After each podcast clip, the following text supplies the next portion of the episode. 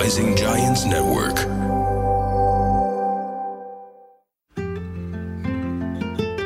الخبر اللي بتدفعوا حقه مصاري اليوم بكرة بيجيكم ببلاش. في كذا آه، دولة يعني نفس المثل من كل الدول يقولوها بس بطريقتهم. فأريدكم أنتوا بهذا البودكاست تكتبوا لي من أنتوا من أي دولة وشون أنتوا تقولون هذا المثل من دولتكم. العراق والله ما أعرف شلون يقولوها. بس أنا سمعت هذا المثل مرة خبر اللي بتدفع حقه مصاري اليوم بكرة بيجيك ببلاش من واحدة لبنانية وسمعت قصة وياها. قصة عن علاقة حب. وشون هي قالت هذا المثل حتى تساعد صاحبتها. بس القصة شوي حزينة. ص... مو حزينة بها صدمة.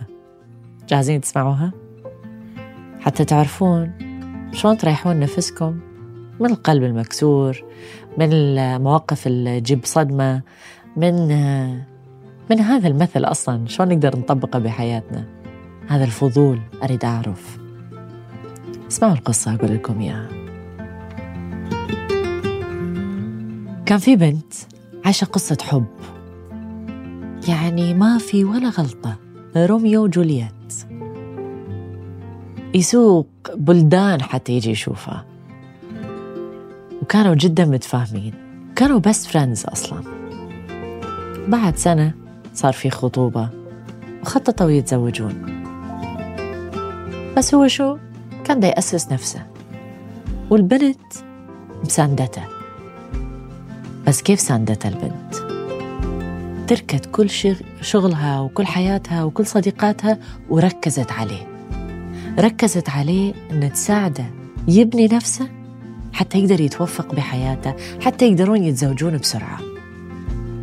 لأنه ما يقدرون يتزوجون إذا هو مو ما عنده إمكانية إنه يفتح بيت. فسخرت حياتها لهذا الإنسان. وكل صاحباتها كانوا يقولوا لها إنه طيب هذا الإنسان. آه كثير متوالمين مع بعض. لحد آخر سنة. هاي التفاصيل ما راح أعطيكم إياها لأنه ما لها داعي. راح أدخل على طول لآخر سنة قبل الزواج. كان المفروض هي كانت في دولة وهو في دولة.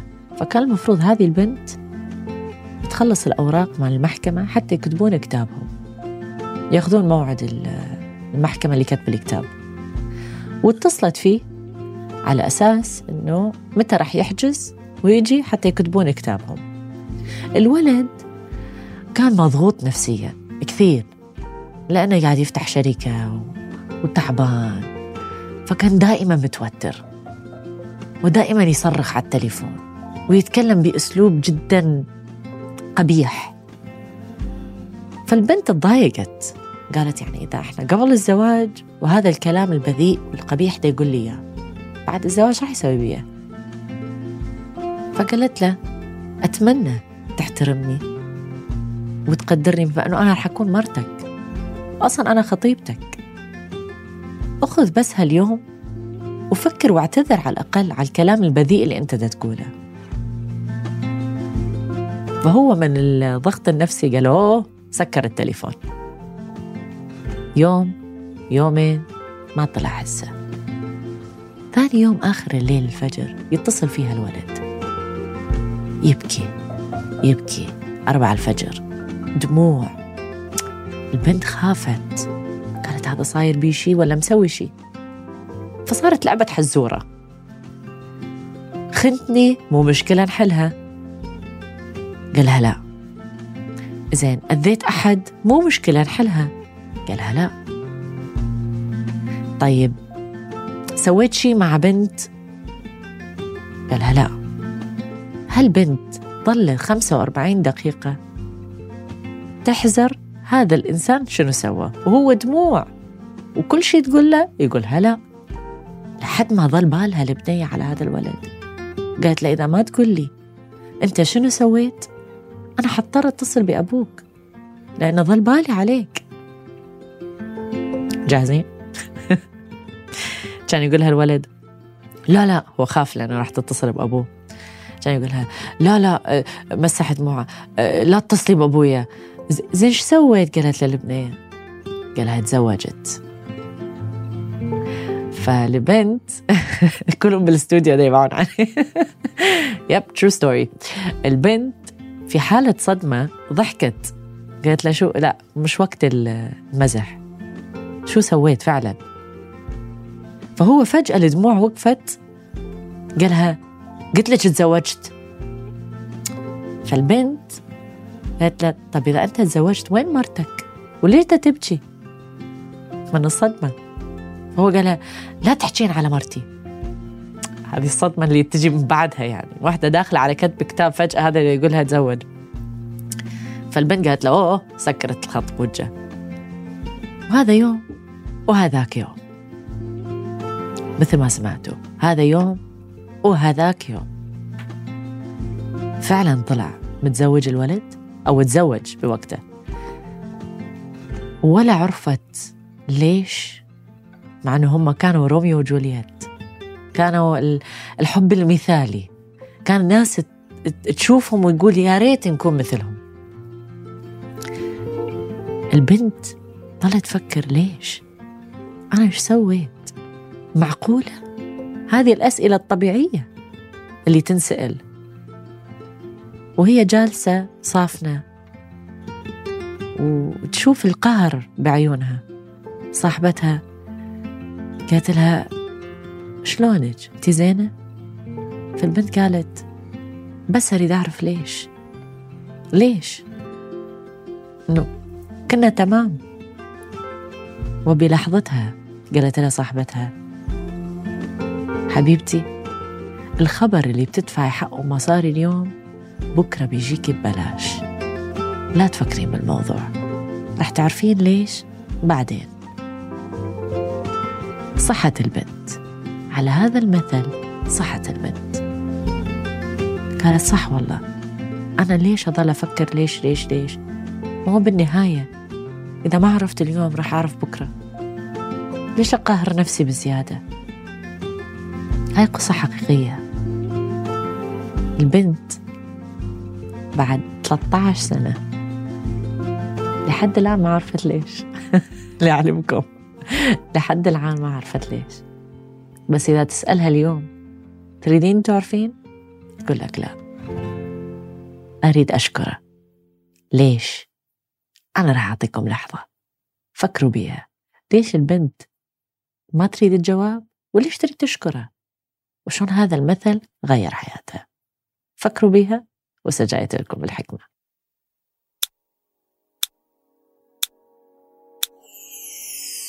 طبعا اللي موجودين عندي بالاستوديو يقولوا ليش في حكمة من هالقصة؟ في حكمة من هالقصة. في حكم من هالقصة. في كثير حكم. في حكمة المثل في حكمة القصة في حكمة التجربة في كثير. تذكرون بأول القصة قلت لكم هذه البنت سخرت حياتها لهذا الإنسان. حتى يقدر يعمر نفسه حتى يقدرون يتزوجون. لما أقول سخرت حياتها معناتها تركت شغلها آه، تركت صاحباتها تركت كل اللي أشياء اللي هي تحبها وركزت عليه حتى يبني نفسه. ليش حتى يتزوجون؟ فلما نتزوج هي انتبهت أن ما عندها شيء بحياتها لا عندها مهنة ولا عندها صديقات.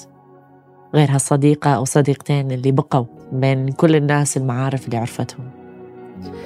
ولا آه، عندها آه، مخططات للمستقبل ولا عندها أهداف.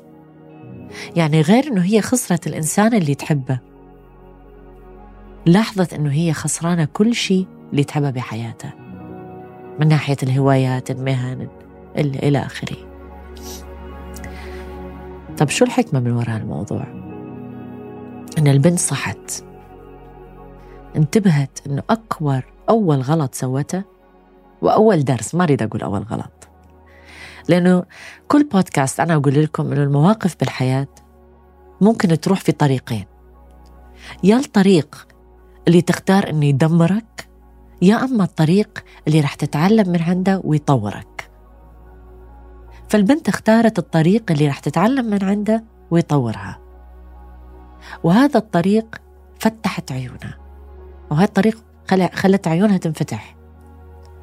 شافت البنت إنه هي صفت بدون شيء لا عمل لا أصدقاء لا فلوس لا ولا شيء. فأخذت قرار بليلة وضحاها. قالت لنفسها أنا رح أعمل اسم لنفسي. أنا رح أكون معروفة بوسطي.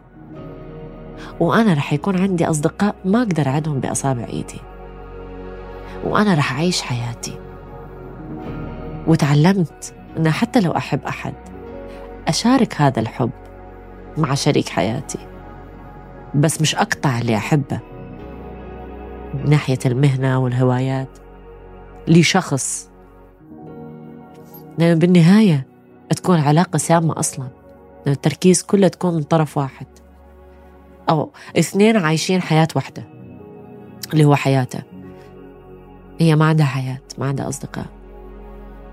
فانتبهت أن هذا شيء مش صحي أبدا. فبدأت البنت تشتغل على نفسها. بلشت تشتغل على مهنتها الجديدة اللي هو شغفها. كبرت اسمها. صارت على الرايح والجاي تتعرف على ناس كأصدقاء. كبرت. هالدائرة وصارت يوم عن يوم تحس بالامتناء الداخلي. ليش؟ لأن انتبهت هذه البنت أنها كانت ظالمة أهم شخص وهو نفسها. ظالمة نفسها طول هالسنين حطت هذول هو هذا الشخص حطته قبلها قبل احتياجاتها قبل فرحتها قبل راحتها. حطته هو. ما فكرت بنفسها. ما فكرت براحة بالها. ما فكرت باللي تحبه. وشنو اللي يسعدها؟ فلما تغيرت الأمور صارت تفكر شنو اللي يسعدني؟ شلون أقدر أطور نفسي؟ شلون أقدر أحسن من ذاتي؟ شلون أقدر أكبر اسمي؟ لاحظت البنية صارت تحس بالسعادة بس مش بسبب المهنة ولا الأصدقاء. صارت تحس بالسعادة لأن صار في علاقة مع الذات. صارت تحس بالسعادة. لأنه صارت تعرف شلون تملي الشعور اللي يسعدها هي من غير هذا الشريك. هذا ما يعني إنه لا يكون عندك شريك حياة بالعكس. حلو شريك الحياة. اسمه شريك لأنه يشارك. شارك. ركزوا على هاي الكلمة. مش كل ال... لأنه في هاي الغلطة نشوفها. يعمل ولد يسويها يعمل بنت تسويها. يسكرون كل حياتهم وأصدقائهم و... وحتى شغفهم. يبطلون. المذيعة تبطل مذيعة حتى لأنه هو ما يريد. الممثلة تبطل ممثلة لأنه والله الأخ ما يريد. هو يبطل مهنته مثلا events لأنه هي ما تريد. شو العلاقات السامة هذه؟ اسمها شارك. شارك. يعني أنت ماخذها بهذه المهنة وأنت ماخذتيه بهذه المهنة شاركوا بعض. مش نقطع حياتنا حتى نقعد حاطين إيدنا على خدنا مع هذا الإنسان اللي هو ما في إنسان رح مية بالمية بحياتك. ما تعرفوا شو رح يصير بالمستقبل. أنت اليوم حطيتي أو أنت اليوم حطيتوا إيدكم على خدكم مع هذا الإنسان. وباكر عقبة هذا الإنسان يروح. صفيتوا شو؟ بولا شيء. لا فلوس لا مال لا مهنة لا أصدقاء. فالدرس البنت اللي تعلمتها من هذه العلاقة تسوى ذهب. درس لازم كلنا نتعلمه.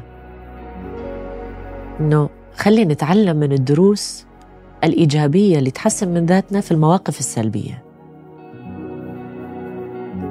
والمثل مال البنت الخبر اللي بتدفعوا حقه مصاري اليوم بكرة بيجيكم ببلاش. إذا إحنا حنضل براسنا نفكر يا الله ليش سوى؟ وليش عملت؟ وليش راح؟ وليش وليش وليش وليش وليش راح تعيش طول حياتك تعيس؟ أو على الأقل هالسنة اللي أنت بدك تجرب تنسى لهذا الإنسان راح تعيشها تعيس. وممكن تطول أكثر لأن أنت خلال هذه السنة أو هذه الأيام اليوم يجر يوم سنة تجر سنة وأنت تضل تفكر بنفس الطريقة.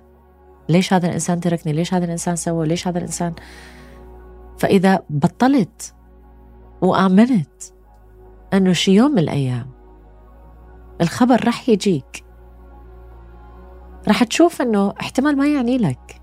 مثل هذه البنت بعد 13 سنة لاحظت أنه حتى لو جالها خبر ببلاش ما يعني لها. لأن كبرت اسمها عاشت حياتها وهي مبسوطة مكتفية ممتنة بداخلها. فإذا أنت أو أنت تواجهون نفس المشكلة مش ضروري نفس الموقف. بس فكرة. ليش سوت ليش سوى. مو عارفين شو تسوون؟ أتمنى هذه القصة قدرت تأثر بيكم.